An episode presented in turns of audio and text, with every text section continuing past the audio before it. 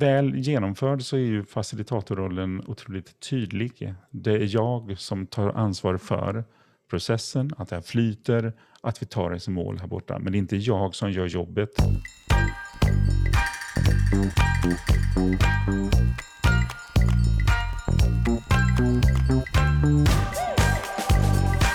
Hej och välkommen till första avsnittet av Nyfiken på facilitering med mig Patrik Ekstrand. Först och främst vill jag tacka alla som har kommit med feedback till eh, min trailer.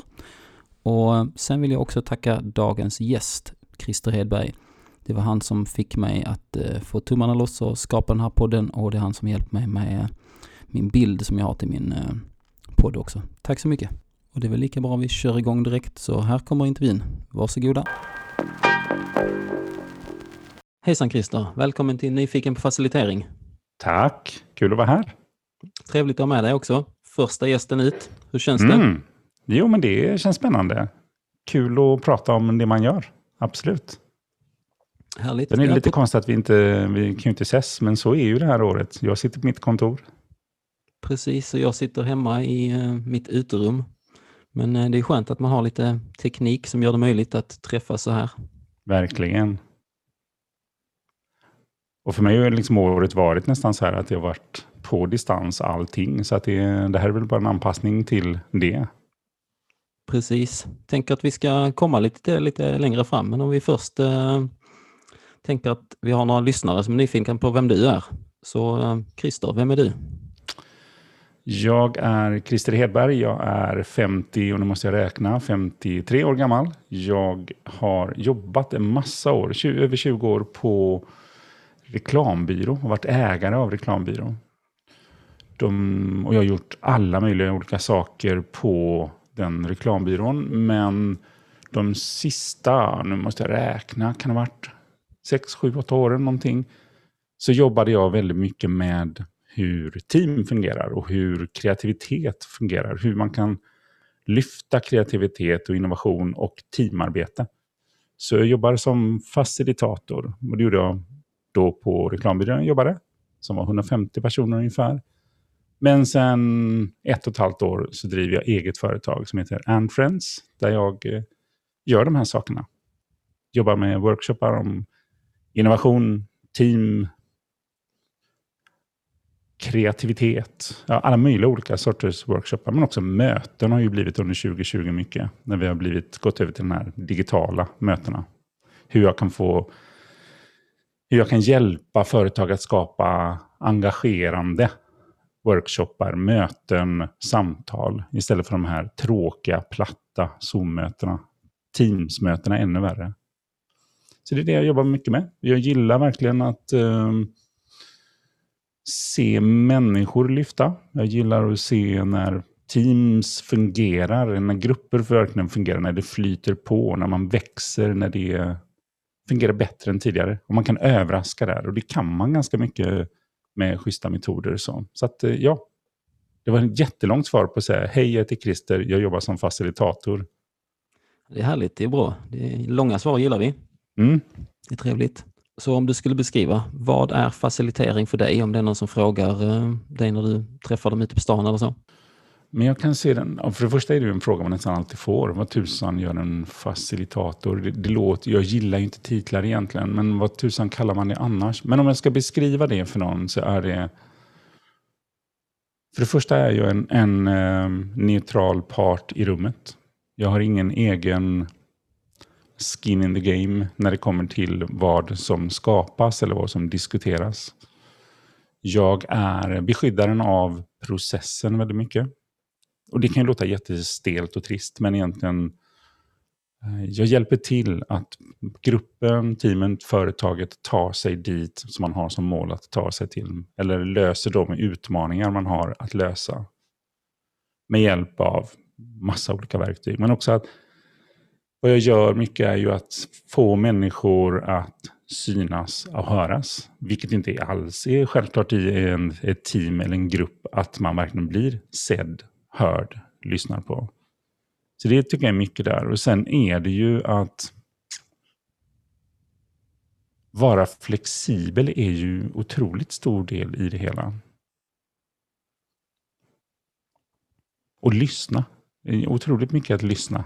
Och då kan man säga lyssna på det som sägs, men också det som inte sägs. Alltså i ett rum, det är ju, här är mycket svårare i den digitala världen, men i ett workshop-tillfälle i ett rum, att ha koll på det som inte sägs, men som kanske uttrycks med kroppsspråk eller frustration, eller vad det nu kan vara. Så. Att hjälpa team och grupper att ta sig framåt mot sina, sitt mål eller lösa de problem de har att lösa på olika sätt. Det tycker jag, det är det jag jobbar med. Det låter ju fruktansvärt spännande. Ja, jag har kul på jobbet. Jag tycker det är otroligt kul. Härligt, härligt. Eh, vad är det viktigaste, alltså tänker på egenskaper så här, tycker du, som eh, man behöver ha eller lära sig för att bli en bra facilitator? Å ena sidan nyfikenhet tycker jag är viktigt. Nyfikenhet på människor. Och det, är så, det här är ju, allting jag kommer säga nu vad som är viktigt kan man ju säga, kan nog alla skriva under på. Men frågan är om man är det på riktigt. Det är någonting jag funderar på hela tiden. Men nyfikenhet på människor. Nyfikenhet på... Hmm.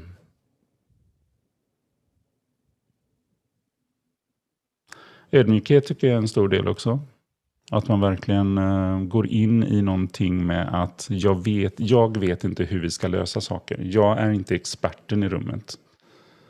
Det är snarare så att de jag jobbar med är experterna på det som ska lösas. Men de kanske inte har processen alltid för att ta sig dit.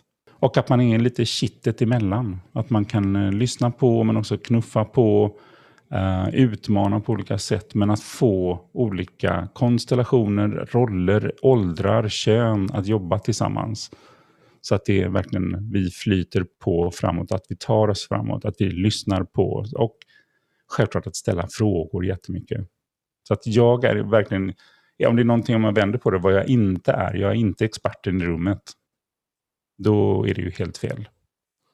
Utan jag är snarare den som får experterna i rummet att skina i det de kan, det de gör. Vad är det svåraste med att vara facilitator tycker du? jag menar om man håller på att jobba med något kreativt, att inte vara där och vilja hoppa in som deltagare när idéerna börjar spruta i huvudet. Det är i alla fall det är för mig någonting jag måste kämpa för att hålla tillbaka. För det är inte min åsikt som egentligen är den den viktiga där. Det svåra är också att hela tiden tänka på vad mina förutfattade meningar är. Det är klart att vi alla har förutfattade meningar. Men att försöka inte lägga in de förutfattade meningarna om människorna som jag har framför mig eller hur de agerar eller vart vi, vad de har för problem som grupp. Eh, att inte ta med sig de förutfattade meningarna in för mycket. Eller inte alls egentligen. Vad är det mer? Eh, det är ju ett otroligt simultanjobb.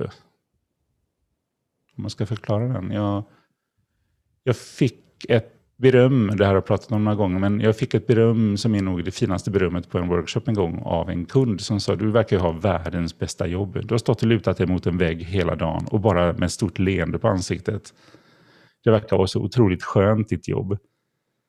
Och det var verkligen en workshop som flöt på så otroligt skönt. Det var en flerdagsworkshop som bara flöt på sådär. Um, men så vet jag ju i mitt huvud, alla sakerna som pågår, det är liksom det de håller på att prata om just nu, det de pratade om alldeles nyss, det som kommer nu om två timmar och i lunchen på väg, har alla allting som behövs. Alltså det är ju ett Eh, motorväg av tankar och eh, intryck som, som rör sig i mitt huvud. Så att det, är, det är en otroligt simultan jobb. Men jag tycker det är kul. Jag tycker det verkligen är otroligt kul att eh, vara på olika platser samtidigt och försöka bolla alla de här sakerna. För att ta oss fram till det, det stora målet som vi jobbar på på det här mötet, den här workshopen, det vi ska lösa. Så att utstråla lugn är också viktigt då, verkar det som. Ja, men det är ju tillför... Eller ja, det beror på hur man ser det. Det finns ju, på, det finns ju eh, eller ja, i grunden ja, självklart. Eh, jag, det är klart att jag måste utstråla att jag vet vart vi är på väg. Om nu ber alla lita på den här processen som jag har med mig här. Det är ju en stor del att inte alla sitter och är nervösa och eh, känner att de måste ha järnkoll på allting. Jag har järnkoll på den, eller måste i alla fall utstråla det. Sen är det klart att det finns situationer här när eh, om jag vill höja intensiteten, om jag vill höja hastigheten, om jag vill nästan ge lite chockverkan för att väcka en, en grupp så här att jag eh, kanske inte utstrålar så mycket lugn utan lite mer sån här galenskap. Det finns ju, vill jag sätta en energi med musik eller en övning eller vad som helst så där, då är jag ju inte så lugn kanske. Men, men i grunden he, helt rätt. Helt rätt. Trygg. Men trygghet, alltså det, det är väl det det handlar om mycket.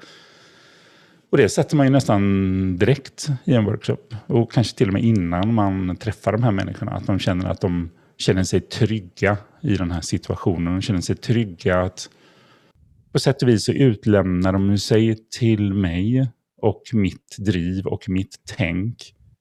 Så det måste jag ju bevisa ganska snabbt där, att de kan känna sig trygga med mig i min process, i mitt flöde, i mitt rum här.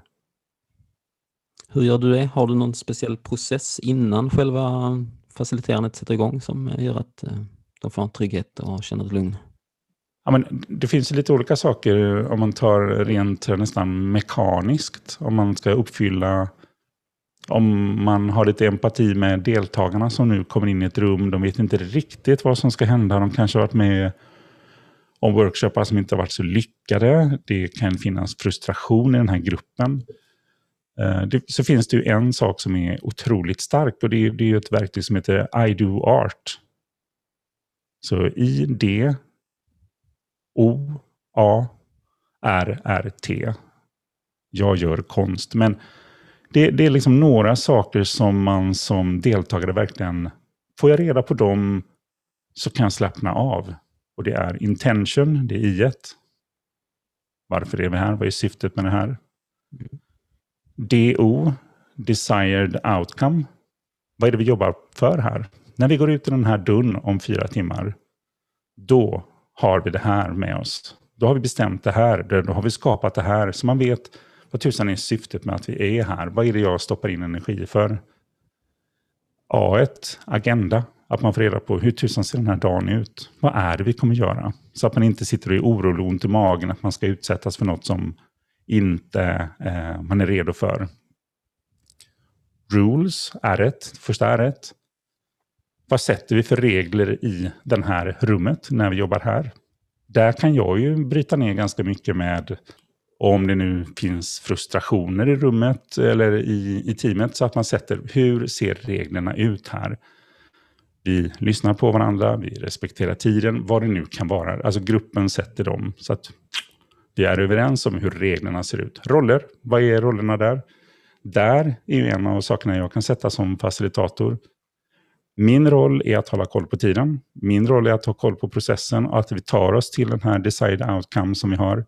Er roll är att vara experterna och bara hänga med. Det får ju de här som eh, brukar sitta och titta på klockan och vilja verkligen ha koll på allting. Visst, eh, är, du är med på att det snart är lunch nu va? Alltså att de bara kan slappna av. Jag säger dem verkligen. Det är väldigt mycket om att uttrycka hur reglerna ser ut. Och T, det sista. Tid. Hur ser den här dagen ut? Vi börjar nu när klockan är 12, vi kommer hålla på till klockan 4. Kan alla vara med? Vi kommer ha paus för att du ska kunna ringa eller vad det nu kan vara. Om jag säger den här I do art, där sitter ju jättemycket i att få eh, deltagarna att slappna av, förstå vart man är på väg och börja känna trygghet. Den visar ju också att jag som facilitator har koll på den här dagen. Det finns en genomtänkt plan för det här. Sen ska man säga, i verkligheten kan jag ju vara hur flexibel som helst kring allting som, som görs där sen. Precis, men det är viktigt att sätta ja, ramarna och ja. avgränsningar så ja. att folk kan känna sig trygga och veta vad som ska hända. Så. Väldigt, väldigt spännande. Jag, får. jag kommer att tänka på, i alla fall jag när jag gick i skolan och idrotten var väl en av de sakerna som man eh, inte uppskattade. Och sen så fick jag en lärare som gjorde att jag verkligen uppskattade för det handlade om okej, okay, så länge du gör ditt bästa så får du ett bra betyg. Så länge du utgår från dig så får du ett bra betyg. Det är inte, du springer inte lika snabbt som den här personen. Tänker du samma sak här? Folk som inte alls tycker om möten eller workshops och så här på många arbetsplatser, så kommer du in och ändrar om hela tanken kring eh, hur folk upplever det så bara, åh, men det här var ju skoj, här får jag bidra, här kan jag, mina tankar och idéer komma till användning och folk lyssnar på mig och för det finns en, liksom, en process i den som skriker högst eller tar mest plats eller som har högst senioritet. Ja, men jag tycker det där är ju någonting som jag kan känna även i möten och workshoppar också lätt kan hända. Att jag sitter som deltagare och känner att jag måste prestera. Jag måste prestera på samma nivå, min upplevda nivå av hur fantastiska alla andra är i rummet. Och Det jag kan göra som facilitator där i början i I do art, som jag pratade om där, att i rollerdelen till exempel berätta det här att ni är rätt personer för att vara med på den här. Vi har verkligen valt ut er att vara med i den här gruppen. Så att man känner att jag kan slappna av där. Jag behöver inte hålla på och hävda mig eller säga jag, jag är rätt person att vara med i den här tankearbetet, eh, diskussionen, workshopen, vad det kan vara. Sen har jag ju som facilitator en jättestor ansvar, tycker jag, att se till att vi efterlever den här. Att eh, påminna gruppen om, eller kanske styra det så att jag lämnar ordet till den som inte, får, eh, som inte har fått uttrycka sig så mycket. Det här kan man göra både med, med ord och handling, men jag kan till och med göra det med lite blick. Alltså, om jag ser att du Patrik inte har sagt någonting här, om jag bara möter din blick lite mer, nästan och uppmuntrar dig att Visst borde du svara nu. Alltså det går att göra otroligt mycket icke-verbalt i ett rum. I digitalt mycket, mycket svårare. Men eh, den tycker jag är spännande. Att verkligen se till att vi alla får komma till tals. Och också att man förstår att eh, kom in med det du har. Kunskapsmässigt, idémässigt, vad det nu kan vara. Så att man känner att man är där av en anledning helt enkelt. Ja, men också att man känner sig inkluderad. För det sitter ju jättemycket där. Att, att um, en kompis till mig som håller på med, med improvisationsteater, hon, hon har ett sånt himla fint, Mia, hon har ett sånt fint citat. Och är att, att vara kreativ i en grupp, det, är att vara, det, det kräver järvhet. Och det är ju det. Det är när man slänger sig ut i någonting och i vardagen annars så finns det alltid en risk att man blir nedskjuten eller hånad eller skrattar åt vad det nu kan vara här. Men ta mig tusan när vi jobbar tillsammans på ett bra sätt, då ska vi inte ha något sånt. Och det, det är jättemycket att sätta den, att man känner sig att man är inkluderad, trygg. Att allting jag säger byggs vidare på att vi jobbar fram mot någonting. För vi har ett mål tillsammans som vi jobbar mot. Och det är väl det är mitt jobb att verkligen vara beskyddaren av den. I bästa fall så behöver jag inte göra någonting för att det är en sån skön, härlig grupp där det sitter. Eller vi har gjort förjobbet så himla bra. Men om det skulle behövas, att jag ändå stegar in. Precis, det är som du säger, det är väldigt uh, mycket lättare att bara sitta tyst och inte säga något eller inte göra något, utan det krävs ju ändå en mod att dela med sig av sina tankar och ja, åsikter och idéer, för det är ändå ens egna som har bott in i huvudet och man själv tycker är bra, så kommer de ut och så riskerar man att någon annan ska ja, skratta åt dem eller skjuta ner dem eller så i vanliga möten eller vad man säger. Så att, eh, det är verkligen viktigt att man känner den tryggheten. Och, och det är ju alltså, det är klart att det kan göras med illvilja. Att man verkligen hånar någon som säger något eller man eh, himlar med ögonen. Men det kan ju också vara helt o, eh, omedvetet man gör det. Så jag tar verkligen på mig att försöka ha koll på den som pratar, den som lämnar ut någonting av sig själv. Om det nu är en idé eller tankar, vad det kan vara. Eh, du pratade lite om det här med att eh, det är mycket svårare i det digitala. Så eh, om vi backar bandet lite till hur året 2020 har varit. Mm. Tänker att när man jobbar med någonting som handlar om möten, workshops har folk i ett och samma rum så eh, har det här året eh, gett lite speciella utmaningar till dig och andra faciliteringskollegor. Det kan man lugnt säga. Um, och, jag, och jag och min dotter vi var på väg till Austin um, för att åka till South Southwest-konferensen i mars. Stannade några dagar i New York för att där hade vi inte hört att det skulle vara någonting med corona. Mm -hmm. Um, så vi fick ju fly därifrån när gränsen skulle stängas 12 timmar senare på väg hem. Men eh, och då drog ju verkligen pandemin igång med storm, dunder och brak. Så att på det flyget hem, då satt jag faktiskt verkligen och funderade på shit, jag har ett helt skåp här på kontoret som är fullt med post-it-lappar, pennor, allting som behövs för att göra en, en, en riktigt, riktigt bra workshop på plats. Och, och, eh, Jag har egentligen ingenting förberett för att göra digitala workshoppar. Då hade jag faktiskt en bärbar dator som hade de senaste två åren haft en söndrig webbkamera. För vem fasiken använder en webbkamera? Bra jobba! Eh, men, men, men, tanken där på planet var att allting kommer bli digitalt och ta mig tusan, jag ska bara ta mig an det. Jag ska, eh, jag ska, jag ska bli bra på det. Jag ska bli riktigt jäkla bra på det. Och eh, jag ska bara anamma det verkligen. Så, så väl hemma så var det ju liksom att lämna in den här datorn som hade en söndrig eh, webbkamera, leta fram den åtta år gamla laptopen som fick bli min första workshop-dator digitalt och sen bara ge mig tusan på att det är klart att vi ska få det här att fungera. Och bara med, med en dåres envishet. Eh, inte ge mig in i att vi gör saker istället för, utan helst att vi gör saker bättre än.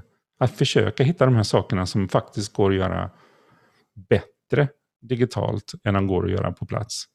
Går inte alltid, men jag tycker det måste vara det måste vara ambitionen, att inte liksom, mm, nu kan vi tyvärr inte ha den här workshopen fysiskt. Så vi får väl nöja oss att vi gör det här i Zoom. Utan nej, jäklar, vi får tänka om. Tänka om alla de här processerna, hur vi gör saker, hur engagerar vi folk, hur får vi diskussionen igång, hur får vi ut saker ur folk där. Så jag har minus all skit och jobbighet och eh, att jag var sjuk i nio veckor um, i corona, så har jag ändå haft ett jäkligt roligt år där jag tvingats dag för dag verkligen tänka om hur jag jobbar och vad jag gör. Och eh, hur jag kan uppnå samma resultat med allting som tidigare satt i ryggmärgen. Så.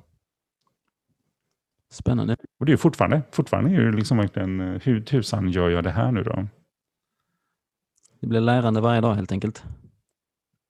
Ja, absolut, absolut. Och testa och jag menar, jag fick ifrån en av skolorna jag föreläser på att eleverna tyckte det var, de hade haft en veckas digital undervisning. De ställ, fick ju ställa om på över en natt i princip. Så det är, det är inte så schysst mot den läraren som fick första veckan där, men att de var besvikna på hur, eh, hur det blev.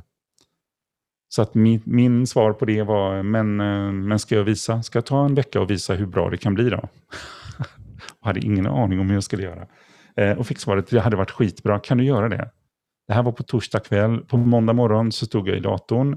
Och då ska jag säga, datorn var den här åtta år gamla laptopen som nu låg i, ska vi se, i en bokhylla i vårt vardagsrum. Eh, för att jag skulle kunna stå upp med två pyttelampor som lös på mig för att jag skulle få något ljus. Och där stod jag och sa, hej, nu ska vi ha en vecka där jag ska visa hur bra digital undervisning, digitalt teamarbete kan vara. Um, och det hade jag läst under helgen. Hade jag fått bara dyka in i verkligen. Och sen var det bara att köra på. Hur gick det? Och tillsammans, ja men det gick skitbra. Det, det var verkligen, det roliga är att jag hade en plan, apropå det här att vara superflexibel. Jag hade verkligen en plan för den här veckan. Vi skulle ha kul. Vi skulle visa på hur roligt man kan ha när man jobbar här. På incheckningen med eleverna så var en av de första sakerna de sa, Christer, kom inte med massa flams nu den här veckan. Okej, okay, whoops. uh, hur menar ni med det? Och det de kom fram till var, det här är allvarliga tider. Det finns människor som lider. Uh, vi vill göra någonting som är på riktigt.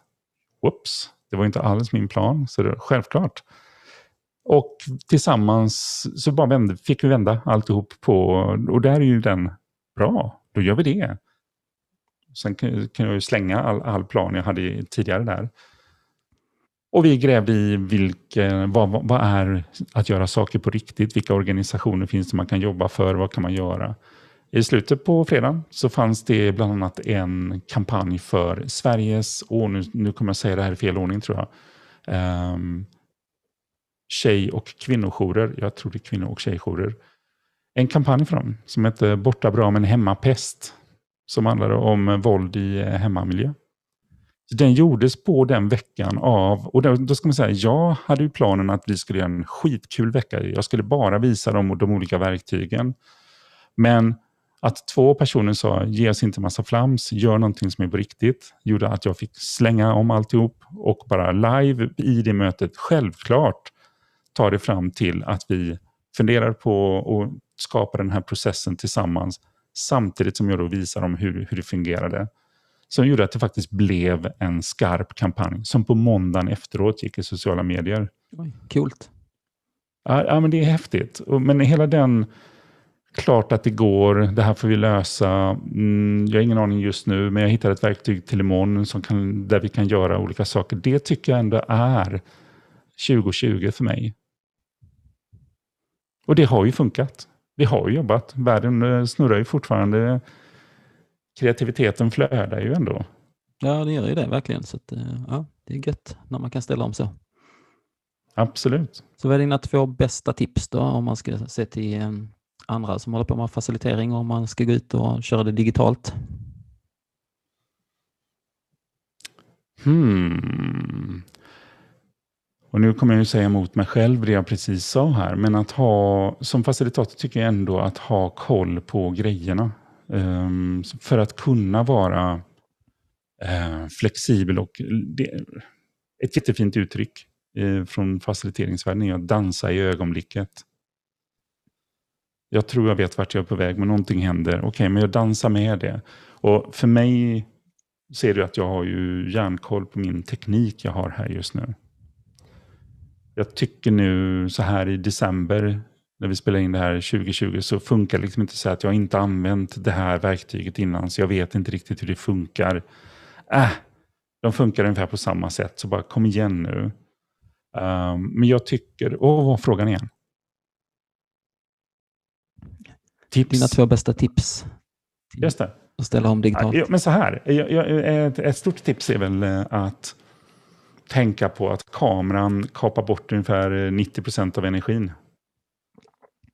Så att eh, om jag nu är en ganska timid person annars, nu säger inte jag att jag är det, men eh, om jag nu skulle vara det och det funkar i en vanlig workshop-tillfälle så måste jag ge betydligt mer energi in i ett digitalmöte. Min fru gav mig feedbacken när vi båda var hemma och jobbade. När jag gjorde den här veckan, den första veckan som jag pratade om där. För jag stod och verkligen nickade som en galning och gav liksom ja, ja och liksom pratade med händerna som en riktig jäkla eh, sydeuropeisk eh, upphetsad man som har krockat med bilen ungefär. Um, och då fick jag ungefär feedbacken att du är med på att du ser ut som en idiot va? Jag tror inte hon uttryckte det exakt så, men ungefär. Det var kontentan av det hela. Men, men det, är, det är verkligen den, det försvinner så mycket av den energin. Och jag behöver, jag behöver ge betydligt mer energi i en digital workshop än jag behöver göra i en fysisk workshop. Därför att alla har så lätt att falla bort. Allting som lockar, allting som du är intresserad av, har du också i datorn framför dig. Så jag, vi behöver liksom hålla kvar där. Och då är det verkligen mycket att stoppa in energi. Så eh, var lite over the top om det känns som att det är nästan lite pinsamt mycket energi du stoppar in, då är du på rätt nivå skulle jag säga. Det finns säkert folk som inte håller med mig där, men jag tycker det är, när jag hör om att man har varit med på lågenergi-workshoppar som känns tråkiga och de bara maler på, då skulle jag säga, då är det någon som inte riktigt har vågat stoppa in den energin. Och det får man göra från början. Med galna energizers, med uppgifter att göra i pauserna, att eh, vad det nu kan vara. sådär. Utan att det blir flamsigt ska jag säga. För det är klart att vi är fortfarande målet. Jag har fortfarande en, en roll som är jätteviktig. Men ta mig tusan, stoppa in energi. Det är helt okej okay att du är helt slut efter en workshop. Så länge deltagarna tycker att det har varit skitbra dag, vi kom fram till grejer vi inte trodde vi skulle kunna göra, så kan jag vara hur trött som helst. Det, det bjuder jag på. Bra tips. Stoppa in energi. På tal om det där att behålla fokuset också. Jag var med på någon, eh, två dagars konferens här nu i, kan det varit i april, maj någonting. Kommer inte ihåg vad den hette, men där hade de faktiskt väldigt bra, för en gång i timmen så skulle man lyssna efter ett speciellt ord. Mhm. Och så dag två, eh, i slutet på dag två så skulle man sätta ihop det här till en mening Mm. och skicka in. Och så bland de som satte ihop rätt mening så var man med i utlottningen av eh, något pris. Så du var tvungen att vara på hugget där? Precis. Ah, snyggt. Surfa iväg eller bara okej, men de pratar om något annat, jag kan zooma iväg. Utan så. Och likadant det du sa innan också om att verkligen ha koll på sina verktyg och det man gör och sådär. Det är ju för massa år sedan när jag började min karriär efter gymnasiet så jobbade jag som kock. Ja. Och nu för tiden så kan jag ju liksom, jag kan ju, okej vilka saker passar ihop? Jag kan känna smaker i huvudet så att när någonting inte finns i kylen eller vad det kan vara så kan jag ändå slänga ihop någonting. Precis som du kan slänga ihop vad fasen som helst för att du har koll på dina verktyg där och har jobbat med dem så pass mycket så att du vet vad som ska hända. Så att man är så pass säker på ramen så att man kan göra vad man vill i den så att säga. Och då kan man ju också vara kreativ och flexibel. ja, men exakt. Och är, är det något mer tips jag ska ge till facilitator? Du ser, jag kan inte ens uttala det själv. Facilitatorer. Så är det väl att i den här situationen inte... Det, det är dags att släppa taget nu. Och lite det här med att eh, man sörjer att vi inte kan göra saker på plats. Jag fattar det. Men nu är förutsättningen att vi gör grejer digitalt. Så anamma det och eh, tänk efter hur du kan tweaka om det. Och, och jag tar det mer som att det är, fasken vad spännande, nu måste jag lära mig nytt igen. Att inte gå i de här gamla hjulspåren exakt så som jag alltid har gjort det. Ja, utan vara nyfiken helt enkelt. Ja, och Ja. också stjäla. Jag menar, nu, nu säger du det här med ordet. Bara, oh, oh, den stjäl jag. Mm, den tar jag. Jag gjorde en eh, prisgala eh, som jag var lite sändningsproducent för ihop med en, kille som var programledare. Han stoppade in till exempel att eh, för att ge alla lite energi att vi jobbade med eh, dövapplåder alla eh, istället för att applådera. Vilket gör att alla blir glada. Och bara, oh, Gunnar, den stjäl jag. Den tar jag. Alltså hela tiden plocka in i sin egen verktygslåda vad man kan göra på olika sätt. Så att eh, jag hör det lite för ofta fortfarande att det är tråkigt att vi inte kan göra det här på plats. Men tusan, ge inte den energin till deltagarna. Vi är här för vi ska göra den så jäkla bra. Jag ska göra den bästa digitala workshopen du har varit med på. Det är min ingång när vi, går, när vi träffas klockan nio på morgonen. Ja, det blir ju lite, som du säger, det blir lite tråkigt om man börjar mötet eller workshopen med att ja, men tyvärr kunde vi inte göra det här på plats, men nu Ja. får vi sitta här istället. Speciellt som det är så otroligt lätt just nu att överraska med riktigt jäkla bra digitala workshoppar. Eftersom vi har så otroligt mycket dåliga digitala möten just nu. Fortfarande. Jag är fascinerad. Så är det ju. Många storföretag, man har varit med på deras eh, webbinarier och så här och så har de inte koll på Ja. Oj, hur delar jag skärm i Zoom eller hur gör jag detta eller hur kopplar jag in det här? Så bara, fast du kunde tagit fem, tio minuter innan mötet började och eh, testa sakerna. Precis. Så svårt är det inte att dela skärm i Zoom. Och frågan är, behö behöver man ha presentationen? Om man ska vara sån. Ibland, ibland inte. Ja. Mm. Om vi skulle backa bandet tillbaka jättemycket till när du började prata nu idag så sa du att du eh, började med att hålla möte så här på eh, reklambyrån som du var på. Och jag Ja. tänker, är det någonting därifrån som, alltså hur började ditt intresse för facilitering? Var det ett ord som du hade hört talas om då? Och var det du som själv kände att okej, men det här med möte och grupper och så är någonting som jag tycker är roligt, som jag vill ha hand om? Eller var det någon som sa det till dig, att Christer, men du är bra på det här så eh, hoppa in och kör de här grejerna så lär du dig efterhand, eller hur? Ja, jag kan nog ta den ganska långt bak i tiden. Jag vet ju när jag gick, jag vet när jag gick i eh, mellanstadiet. Alltså det här med grupparbete. Jag tyckte det var hemskt. Det var verkligen hemskt. Det var... Antingen fick man göra allt eller så fick man inte vara med i gruppen. Jag tyckte det sög. Men när jag blev vuxen sen så, så tänker jag på hur schysst var det egentligen? Vi blev ihopslängda i i grupper som skulle jobba tillsammans. Vi fick ingen, inga verktyg för att göra det, utan det var tada! Det är klart att det här funkar. Här har du fyra du ska jobba med. Kör på! Så ehm, Ja, men, ja, det var jobbigt. Jag tyckte det var kast att jobba i grupp. Så det, det är väl ett, ändå en sak som har snurrat i mitt huvud länge där, den känslan. Och jag vet när jag började på reklambyrån så var det ju det här måste ju vara människor som är sådana jäkla proffs på att jobba tillsammans. Och första mötet jag var med på så var det om tre stycken som satt och skrek på varandra i ett möte. De var verkligen helt skogstokiga. Det här var mitt första möte första dagen på reklambyrån. Som satt och skrek på varandra. Och jag sitter skrämd i runt det här lilla runda bordet och försöker lyssna på vad alla säger och räcker upp handen till slut och jag tror ni säger samma sak fast på olika sätt. Och De här människorna hade då jobbat ihop, det här är jättelänge sedan, det är över 20 år sedan, de hade jobbat ihop jättelänge innan dess. Men kom, gick ju in i det här eh, mötet med otroligt mycket frustration för att de lyssnade inte på varandra vad de tyckte egentligen. Och de pratade lite olika språk kan man säga i sina olika roller. Så den tog jag också med mig då, att det var nog inte så jäkla eh, proffs på att jobba tillsammans här heller.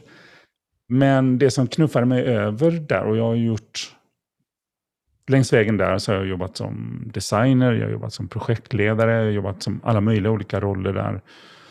Och det sitter ju mycket i hur vi jobbar tillsammans. Jag vet ju bara när jag går igång, när jag tycker det är kul att gå till jobbet, det är ju när det flyter på när vi jobbar tillsammans. När jag känner att jag är en del i gruppen, när jag känner att det vi skapar har, har en mening och ett syfte. Men det som fick mig att knuffa över mig till att verkligen um, vilja göra det här jobbet. Jag var på, det finns en skola som heter Hyper Island i uh, Stockholm. Nu finns de runt om i världen på lite olika platser. Um, men jag var på en utbildning där och i några dagar och det var jättebra. Men det jag stal var mera känslan av hur de som ledde den utbildningen, hur de agerade, hur de var och vad de gjorde. Så, så min, jag satt verkligen som med stora ögon och bara tittade på hur de här som höll i det, hur de eh, gjorde det. Så i min utcheckning sista dagen så var det, det här var skitbra. Jag gillar verkligen de här eh, dagarna. Otroligt mycket ny kunskap. Men det jag tar med mig är hur ni gjorde det här. Det här vill jag kunna mer av. Och det här tar jag tillbaka till, till mitt arbete och ta mig tusan jag ska byta roll. Så där, där och då bara bestämde jag mig för att det här ska jag göra.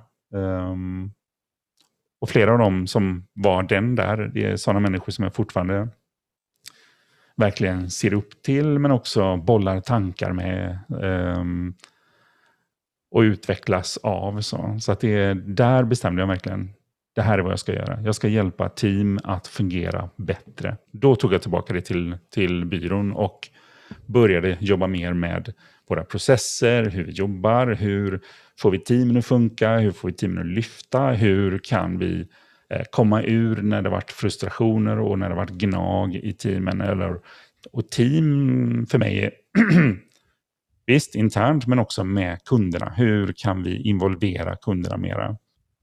Och det blev ju till massa workshoppande. Det blev massa teamarbete. Uh, skitroligt verkligen, men också jättejobbigt. Det, är, eh, det sitter ju förändring, är ju nästa ord som sitter på här. Det handlar om att förflytta en eh, uh, 60 år gammal reklambyrå till någonting nytt, någonting fräschare. Och det är klart att det finns frustrationer och det finns motstånd i det där. Men det funkade. Det funkade, jag hade väldigt roligt. Så det mottogs bra på byrån, eller efter ett tag i alla fall? Ja, ja, ja men absolut. Ja. Vi, vi knuffade den tillsammans ja. ganska långt där. Så det är den bakgrunden till varför jag gör vad jag gör idag. När förstod du att okej, okay, det här är någonting jag skulle kunna jobba med och liksom, det här är ett yrke som man kan, som man kan ha? Var du ungefär i samma veva som du var på ja, byrån eller är det senare? Jo, men det är nog ändå på byrån där. Alltså, det är klart att vi jobbade. Vi gjorde ju workshoppar, vi gjorde möten på olika sätt. Uh, men inte så organiserat kanske tidigare. Och vi var ett gäng som verkligen ville utveckla det. Um, så det är klart att den kommentaren fick jag av kollegor i branschen ganska ofta när jag berättade vad jag gjorde på byrån. Att det var ovanligt. Ovanligt att man har en sån person internt. Men också, och in, inte då att det var eh, konst, det var inte konstigt läget, utan det var snarare okay. oh, en sån lyx att man har det. Um, vilket för mig till slut blev sådär, men hur gör ni då? Och det de beskrev var ju ganska ruttna workshoppar, ganska ruttna möten. Man pratade inte så mycket kring feedback, man pratade inte så mycket om hur teamen funkade eh, på andra byråer. Sen finns det några som är otroligt duktiga på det på andra byråer också, ska man ju säga. Så att för mig, um, ja, det var väl kanske där som, som jag ändå, det är klart att det är ett yrke, klart att det finns ett behov för det här. Jag tycker alla borde ha det och om man inte har det så borde man ta in hjälp kring det. I alla fall vissa eh, stora tillfällen när det verkligen är man ska starta ett projekt, man ska avsluta ett projekt eller man behöver ta ett stort beslut eller vi behöver ta oss ett nytt steg. så här. Det finns en otrolig styrka i att ta in hjälp kring det. Och har man en stor organisation kan det till och med vara sådär bara, man tar in någon som har skillsen från en annan arbetsgrupp, om man nu har börjat jobba med det tidigare. Eller bara ta in någon. Vi, vi finns en hel drös av oss runt om i Sverige som är jätteduktiga på det. Tänker där, då kan vi fortsätta med, eh, vad tycker du just syftet med att ha just en eh, extern facilitator? Vad är det bästa med det? Att ha någon som inte har eget, hmm, hur ska jag uttrycka det? Som inte har något eget ego i det hela. Att inte är investerad i det som pratas om, det som beslutas om. Förutom, ja, förutom att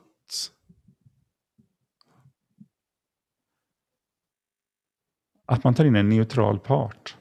Det, det är ju det. Det är det facilitatorn är väldigt mycket. En neutral part som dessutom har järnkoll på vart är vi på väg? Vad är det vi behöver få ut av den här? Inte exakt vad, men så, om det nu är en blå eller en grön sak vi ska uppfinna. Men eh, ta mig tusan, vi ska nå det här resultatet idag. Någon som äger den processen så att alla andra sen kan vara helt i eh, sig själva och helt gå in i att ha den tänkande kreativa rollen under workshopen. Så det är eh, svårt att vara, om man tänker att man som projektledare ska ta faciliteringsdelen av en stor workshopdag till exempel. Det är otroligt svårt även om man har skillsen att göra det. För att jag, då har jag massa andra roller, massa andra hattar jag ska ha på mig. Så att det är en eh, väldigt väl genomförd så är ju facilitatorrollen otroligt tydlig. Det är jag som tar ansvar för processen, att det här flyter, att vi tar det som mål här borta. Men det är inte jag som gör jobbet, det är ni som gör jobbet. Men jag kommer göra allt för att hjälpa er att kunna ta er dit. Med mina kunskap, mina metoder, mina verktyg. Precis den där projektledaren kanske har en jättestark åsikt om det ska vara en grön eller eh, blå boll som ska produceras. Så att, eh, och då är det klart att det kommer färga processen vilket fall som helst. Mm. Så är det. Så eh, om vi skulle säga ditt favoritverktyg att jobba med, både, jag tänker både digitalt men även när du kör fysiskt, har du något sånt? Ja, men det är ganska lätt. Eh, om man tänker fysiskt så finns det ju egentligen bara ett verktyg som är favoriten. Jag försöker hitta en... Eh, Spänningen är olidlig. Du kan få höra ljudet av den. jag vet vad det är.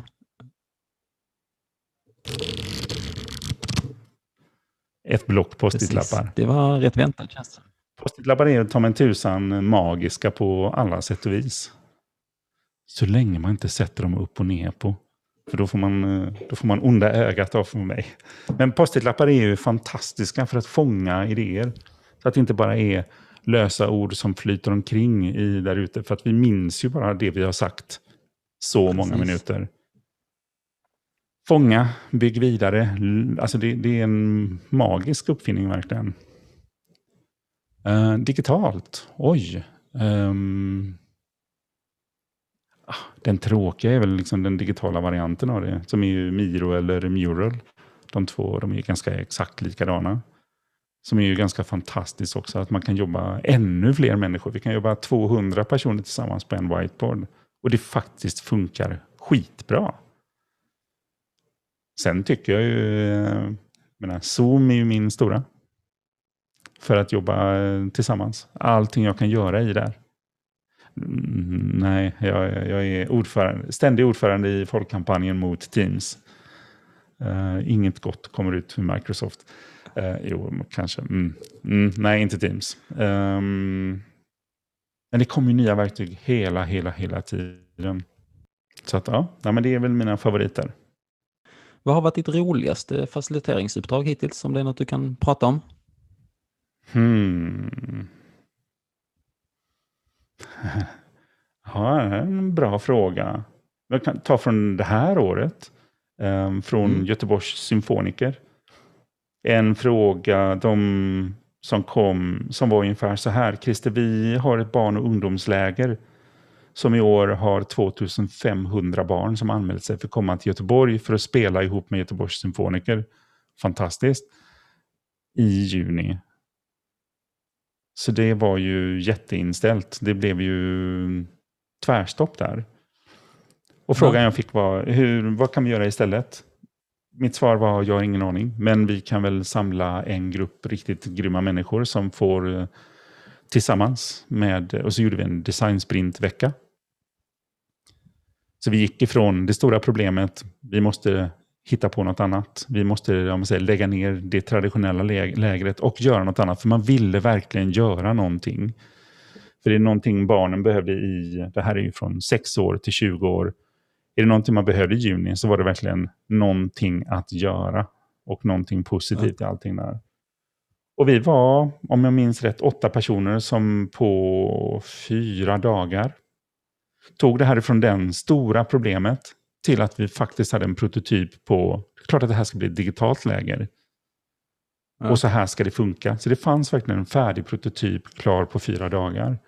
Och några få veckor senare så kördes det digitala lägret med 700 kids. Och det häftiga var, apropå det här med bättre än.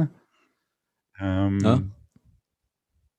Tidigare var det väl inte så mycket runt om i världen. Det kom från lite olika länder, men det var inte så många. Nu var det 700 barn från över 30 länder som var med. Och satt hemma och spelade ihop med Göteborgs symfoniker och varandra. Det var häftigt att se alltså. Riktigt häftigt. Och det var sånt jäkla drag eh, under de här dagarna. Med engagemang då från olika, det var Grönland, det var USA, det var Brasilien, det var Eh, Stockholm, Göteborg, alltså det var överallt satt, satt kidsen och spelade. Och var så jäkla glada och um, tyckte det var så häftigt att vi ändå gjorde någonting. Så. Men symfonikerna ställer upp och bara kör järnet för att få det här. Så side by side, om man går in på uh, YouTube och söker på side by side, det är lägret, och Circle of Life, så kan ni se filmen som gjordes sen när det sitter massa hundra kids runt om i världen och spelar tillsammans. Ja, Okej, okay. shit vad mm. coolt. Ja, men det är väl den som jag är roligast i år och kanske mest, eh, vad ska man säga, ja, mest värd på något sätt. Alltså sådär att verkligen, det känns, definitivt det som jag, som jag är mest så stolt över under året. Det kan jag förstå. Det verkar väldigt eh, mm. coolt. Du pratar om eh, designsprint förresten. Ja. om du skulle förklara vad det är för de som inte känner till det eller vet vad Visst. det är. Designsprint kommer ju från Google Ventures. En process egentligen av samma frustration som jag hade kring att jobba tillsammans. Att det går långsamt, saker tar alldeles för lång tid. Så att eh, en kille som heter Jay Knapp eh, tog fram en process när jag jobbade på Google Ventures som går ifrån stort, krångligt, jobbigt, nästan så här magsårsframkallande problem in. Inga små fjutterproblem, utan ge dem så här riktigt goa, göttiga problem. Och sen ursprungligen var det fem dagar att gå ifrån där på måndagen till att vi faktiskt har en användartestad prototyp på fredagen. Så vi har testat den på riktiga människor och längs vägen där har vi gjort massor saker. Men det är en snabb process för att lösa stora komplexa problem. I en liten tight grupp om 6-7 personer kanske någonting, som verkligen sätter ett streck i kalendern, blockar bort sina alla andra möten och fokuserar helt på den här. Så det är ju den lyxen man får, att vi verkligen gräver oss ner i ett problem. Och det, det som är häftigt i den processen är väl att man har tagit bort otroligt mycket av de verbala konsensusdiskussionerna. Ja, okej, okay. det som annars kan ta ett par dagar helt enkelt. Jag menar, när vi ska, vi ska bekräfta varandra till förbannelse, utan det är liksom få ut mycket, rösta på det, bra, ta nästa steg, få ur oss jättemycket, allihopas är lika mycket värda, men vi tar och röstar på det framåt, nästa, nästa steg, nästa steg. Um, jag fick en kommentar som var i en, från en designsprint att det här känns som det är som en ånglok som verkligen bara tuffar på framåt. Nu är väl inte ett ånglok så snabbt, men det är väldigt tungt i alla fall. Um, ja, men det är en häftig process för att lösa någonting tillsammans. Den knyter ihop teamet så man blir jäkligt stark som team, att man har skapat någonting verkligt. Det blir inte ett snackemöte, utan vi har ett stort problem så att det finns verkligen verkligt behov av att lösa någonting. Och det blir någonting verkligt i slutet. Det är en fysisk, eller ja, det kan vara en digital, men det sitter verkligen någonting man kan röra på i en prototyp som man kan klicka på, eller känna på, eller lukta på, vad det nu kan vara. Och det är på fem dagar. Och det går skitbra att göra digitalt. Fyra dagar är det väl nu till och med? Om man, eh, I deras ja, nej, precis. Det är, den nya varianten är fyra dagar och det är till och med när vi har kört då som till exempel den här för symfonikerna så blir det fyra halvdagar. Gjorde lite mer veckan innan, lite mer veckan efteråt som inte hela gruppen behöver göra. Så, så att fyra dagar, precis. Ja, Spännande. Och den tänket går ju att ta till så mycket annat också. Hela den, om man struntar i att man gör det till en designsprint. Att vi inte behöver diskutera allting så himla mycket. Vi kan få ur oss otroligt mycket utan att vi behöver sitta runt ett bord och var och en säger någonting sekventiellt och tar upp jättemycket tid. Så jag har tagit otroligt mycket av den processen in till andra workshoppar också för att kunna alla bli hörda, alla blir sedda, men vi rullar också på snabbare framåt. Ja, och det är verkligen det här... Um, jag gillar det. Together alone, eller vad de kallar det.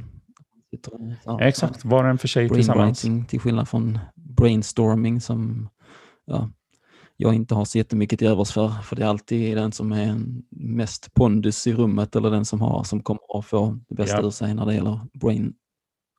Ja, exakt. Ja, men spännande. Och det kan man ju också uh, hitta hur mycket som helst på Youtube om, om man vill veta mer om design sprints. Det är bara, eller googla. Ja. Och vill man då, här kommer ju en liten uh, knuff egen knuff här. Eh, på ska vi se, Spotify och Apple Podcasts och Acast. Om man går in och söker på Shitty First Draft, alltså den skitiga första skissen. Shitty First Draft. Så finns det en podcast som jag har gjort med ihop med en kollega i Luleå. Där vi tar ett, en dag i varje avsnitt och berättar om processen. Och lite mer där. Som bara handlar om design. Den kan jag rekommendera. Ja. Jag fick in lite reklam. Jag tänkte att du skulle få göra reklam i slutet, men uh, vi kan köra det här som ett mellanspel också. Ja, Om vi tar uh, vem som har betytt mest för dig i din karriär.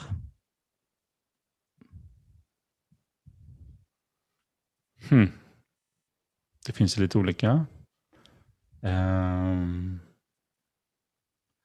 när jag började på reklambyrån så var det en man som hette Bengan som jobbade där han, eh, när man frågade honom vad han jobbade som så hade han alltid det givna svaret. Och det kom verkligen ifrån hjärtat rakt ut så här. Jag är kreatör för fan. Eh, han vill inte hamna i någon, någon eh, tråkigt fack där. Men han, han, var häftig för att han hade verkligen, eh, han kunde visa upp en idé. Vad tycker du om det här? Och så hann jag inte ens svara utan han slängde lappen på, på golvet direkt. Äh, skit i den. Men jag hann inte ens svara. Jag såg att du inte gillade den. Men det är lugnt, det kommer en ny idé strax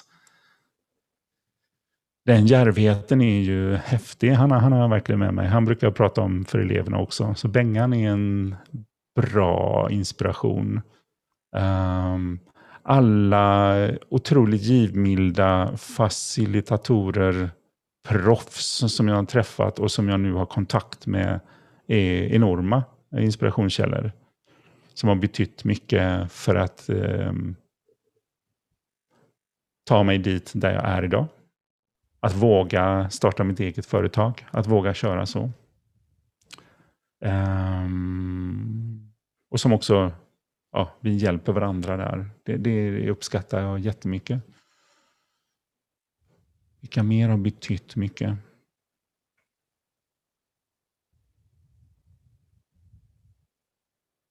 Ja, men det är ju massa människor som är som hjälpsamma människor generellt. Men de, de två får Bengan och eh, mina facilitatorhjältar som verkligen eh, hjälpt mig där. Härligt. Är det ett, eh, vad ska man säga, inklusivt gäng, skulle du säga, facilitatorer? För mig är det det. Det, det är verkligen ett, ett otroligt um, hjälpsamt. Jag är verkligen glad för den communityn av människor. Det, jag har nog aldrig stött på någonting när jag har ställt en fråga där jag inte har fått ett hjälpsamt svar och som jag försöker då verkligen betala tillbaka om jag har någonting, att man delar med sig av sin kunskap. Vi förlorar ju ingenting på att dela med oss av vår kunskap. Jag hade ju det här när eh, pandemin drog igång och jag tyckte digitalmöten var så eh, sög. Så tog jag verkligen den känslan och startade ett nyhetsbrev som nu egentligen har, tror jag, dött.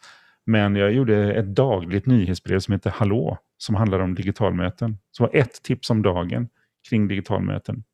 Vill inte ha någonting för det, jag bara liksom skrev ner det jag, eh, min, någonting jag tänkte på kring digitalmöten, om det var ett nytt verktyg eller om tänk på det här, det här är ett sätt ni kan göra det på. Och det var ungefär 500 personer som prenumererade på det, som fick det varje dag. Vi förlorar ingenting på att dela med oss. Så att jag tycker det är ett fantastiskt gäng eh, facilitatorerna som jag har runt omkring mig i min scen, kan man säga. Det tycker jag fler kan inspireras av. Man, eh, jag tycker vi alla vinner på att vara hjälpsamma och schyssta mot varandra. Ja, verkligen. Det tycker jag också. Jag har jag springer en del och har kört både lopp, ja. eh, kortare lopp, alltså upp till maraton och eh, sen också så ultralöpning som just är alla distanser som är längre än eh, maraton. Och där är det så väldigt stor skillnad tycker jag på hur de olika ja, grupperna beter sig. För säg Göteborgsvarvet här, då är det ja, men jag ska vinna över dig, min tid är viktigast, man armbågar sig fram, man ska liksom, ja, komma så fort som möjligt över mållinjen. Medan i eh, ultravärlden, mitt första lopp var i, vad blev det, förra hösten uppe i Stockholm på Lidingö. Lidingö Backyard Ultra. Alla var så fruktansvärt hjälpsamma och liksom bara hej, oh, du kan inte sätta upp ett tält. Nej, men eh, då ska vi hjälpa till här och så var det vet hon, Kristina Paltén tror jag som hjälpte oss att sätta upp vårt tält som är liksom en av Sveriges mest kända ultralöperskor och som har sprungit eh, genom Iran ensam och sådana här saker. Liksom. Och alla är där för att hjälpas åt och tillsammans övervinna den här eh, utmaningen. För det handlar inte om att jag ska vinna över dig, utan det handlar om att okay, jag ska vinna över mig själv och jag ska komma så långt som möjligt själv. Och till det så har vi varandra som hjälp och draghjälp och det är det som jag tycker är så underbart med just eh, ultralöpningscommunityn. Mm. Ja, jag kan tacka mig samma här. Det, det är sällan vi egentligen konkurrerar med varandra. Ja, verkligen. Det är som eh, vad är det? Simon Sinek pratar en del om det. Om man känner till honom i sin senaste bok, mm. har för mig det. Och på lite YouTube-klipp som man kan kika på. Om man nu sitter här och lyssnar på den här podden då och känner att åh, jag skulle vilja jobba med facilitering, men jag har ingen aning om hur jag skulle gå tillväga eller var jag ska börja någonstans. Vad har du för tips eller tankar kring det? Nu vet jag att du kommer träffa Anna. Yes, det kommer jag göra som, som gäst. Hon har ju skrivit en, om man nu är svensk, eh, man läser svenska, så är ju hennes bok ett jättebra ställe att starta ja. på. Som heter... Facilitera. Facilitera, precis. Um, så det där kan ju vara den första ändå att läsa in. Sen, sen tycker jag det, det är... Jag vet att innan jag började gräva ner mig att jag ville vara en facilitator, så hade jag massa böcker faktiskt som jag märkte sen när jag väl drog igång att jag redan köpt de här böckerna. Men inte tagit mig till dem. Nu vet jag att Annas bok är väldigt lättläst. Så. Men det är nästan att göra. Att bara um, gräv in och testa, utmana. Nu finns ju YouTube också numera, så där finns ju så sjukt mycket bra saker man kan titta på och inspireras av om man vill komma igång. Men eh, titta om du hittar någon som mig eller dig Patrik, någon som gör workshoppar och fråga om du kan få vara med. Fråga om du kan bara kan hänga på, för jag blir fortfarande efter sju, åtta, nio år som facilitator, då blir jag ju fortfarande jätteinspirerad av när jag ser andra göra det. Och frågar hur de tänkte kring det efteråt, eller bara liksom plocka upp delar. Så det skulle jag nog säga är en, en bra start, och bara gör det. Man behöver inte kalla allting en workshop bara för att du har i din, ditt huvud att du gör en workshop. Testa någonting. Är du på ett företag och tycker att det vi pratar om här låter intressant, gör någonting. Eh, ta den här I do art eh, och börja mötet med det. Om du ska söka efter det då så är det E-I-D-O två R. Kan ni söka så kommer ni hitta en beskrivning på den processen. Använd det i början på, på eh, nästa möte och bara se hur mötet blir lite bättre av det. Så börja testa metoderna lite sådär. Det finns um, ofta, alldeles för ofta att man får, om man säger att man ska göra en workshop, att folk bara helst inte. Jag kan ju ta den eh, eftersom jag kan gå in med lite pondus och bara nu gör vi så här. Men om, om du är lite osäker på om du kommer få mothugg i det, så kalla det inte en workshop då. Eller tvärtom, kalla det en workshop och bjud in några som du vet verkligen är nyfikna på det på företaget eller i föreningen eller vad det nu är ni gör. Och så testa det och få feedback på det.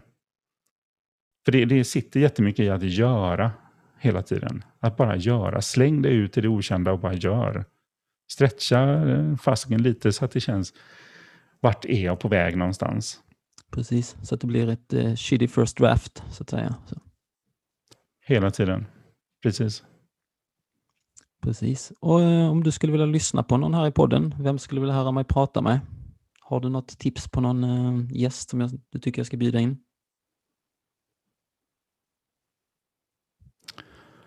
Mm, svensk gäst kan du få eh, Kalle Möller här i Göteborg. Det är en gemensam kompis visserligen, men han är ju otroligt spännande. Uh, och så måste jag ju stretcha dig lite här i din här också då.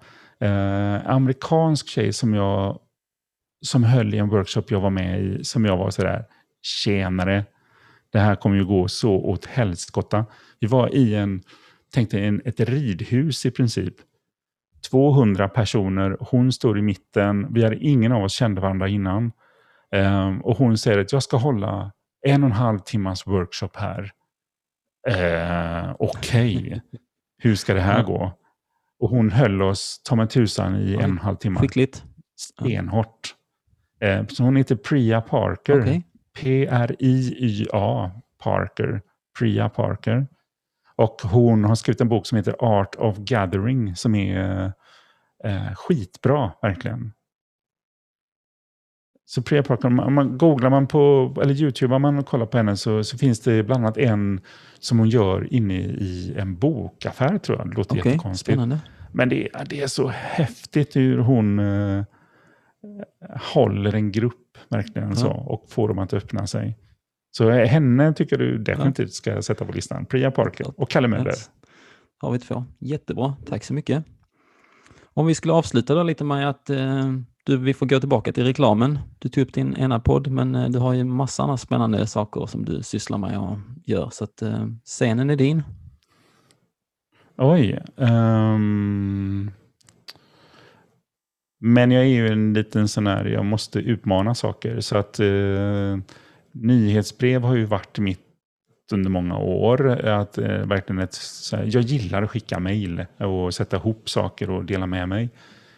Så nu är det 152 veckor som jag har satt ihop ett söndagsmejl som heter Tre saker som inspirerar mig. Och det är verkligen bara det. Det är eh, tre saker som inspirerar mig just nu. Kommer varje söndag. Och varför på en söndag? Därför att det är den sammantagna hela visdomen kring e-postmarknadsföring att söndag är den sämsta dagen att skicka ut ett mejl på. Så då måste jag vara motvallskärring och säga att det är klart att jag skickar ut det på en söndag. Eh, och det är, ja, det är verkligen eh, tre saker som inspirerar mig just nu. det kan vara det vi har pratat om här idag, det kan vara musik, det kan vara vad som helst. Jag bara tar mig friheten att sätta ihop det. Jag tycker det är lite gott att skicka ut ett sånt utan att ha något säljtänk eller jag vill egentligen inte ha något tillbaka och är det någon som vill prenumerera på det så är det kul. Um, så att ser du att det är 1150 som får det varje vecka, det är så här, åh, var kom de ifrån? Men det är roligt. Sen har jag haft lite olika poddar. Nu är det väl den Shitty First Draft som är den som finns kvar där. Sen kan man hitta lite mer om mig på andfriends.se som är min eh, företagssajt. Så det är utskrivet A-N-D-F, ja, friends.se. Var hittar man eh, nyhetsbrevet då? Eh, kan man hitta det på, genom hemsidan eller var hittar man det? Eh, nej, den är lite konstig där. Eh, jag håller på att ta bort min egna sida, men om man går in på christerhedberg.se snedstreck tre saker så hittar man nyhetsbrevet där. Så Christer Hedberg och det är CH. Christerhedberg.se snedstreck tre saker. Är det utskrivet där också? TRE? Ja, precis. Ja, men exakt. Något annat spännande som händer i eh, My and Friends i uh, vår som uh, vi bör hålla utkik efter? Det beror på när den här podden kommer ut. Den kommer ut i början säga? på januari, typ första eller andra veckan i januari. Ja, men då, då ska jag nog hålla lite på det. lite spännande. Uh, nej, men det är ju egentligen 2021 blir ju på något sätt det nya 2020 här. Uh, det som jag hade tänkt göra 2020 får ju bli 2021. Så att det är att göra ännu mer workshoppar, ännu mer digitala, uh, engagerande saker. Det ser bra ut. Det ska bli kul. Jag ser fram emot det. Sen ser jag väldigt mycket fram emot att vi kommer ur den här pandemin också, så vi kan ändå få göra fysiska. Så jag får använda Post-it-lapparna. Ja, precis. Ja, jo, det hade ju varit skönt om eh, vi får eh, slut på det här. Även om jag tror att vi kommer fortsätta göra digitala saker jättemycket framåt. Precis, då kan man göra både delar och eh, välja det bästa för ändamålet. Inte för Nej, att det behövs eller ska vara så, liksom, så att, utan vad är bäst för det här. Ja, det finns otroligt mycket lärdomar som jag tycker man kan ta av det här året i alla fall. Kanske ett nytt eh, nyhetsbrev, 2020 års lärdomar. Det kan bli så att den sista för i år, eh, ja, det, det, är ju den då, om man nu lyssnar på det i januari, så kan man titta, ba, tillbaka där på christerhedberg.se slash tre saker. Där ligger alla tidigare brev. Då kan du kolla den sista ja, ja, innan eh, nyår. Precis. Yes, men då tackar jag så jättemycket för det här och eh, tackar lyssnarna så eh, hörs och ses vi Christer. Det gör vi. Tack för att du fick vara med och lycka till. Tack så mycket. Ha det fint. Hej. Hej då. Det var allt för den här gången. Hoppas ni tyckte intervjun med Christer var lika givande som jag gjorde. Vill ni med något så kommer ni lättast i kontakt med mig på LinkedIn. Annars hörs vi här om två veckor igen. Ha det gott, tack, hej!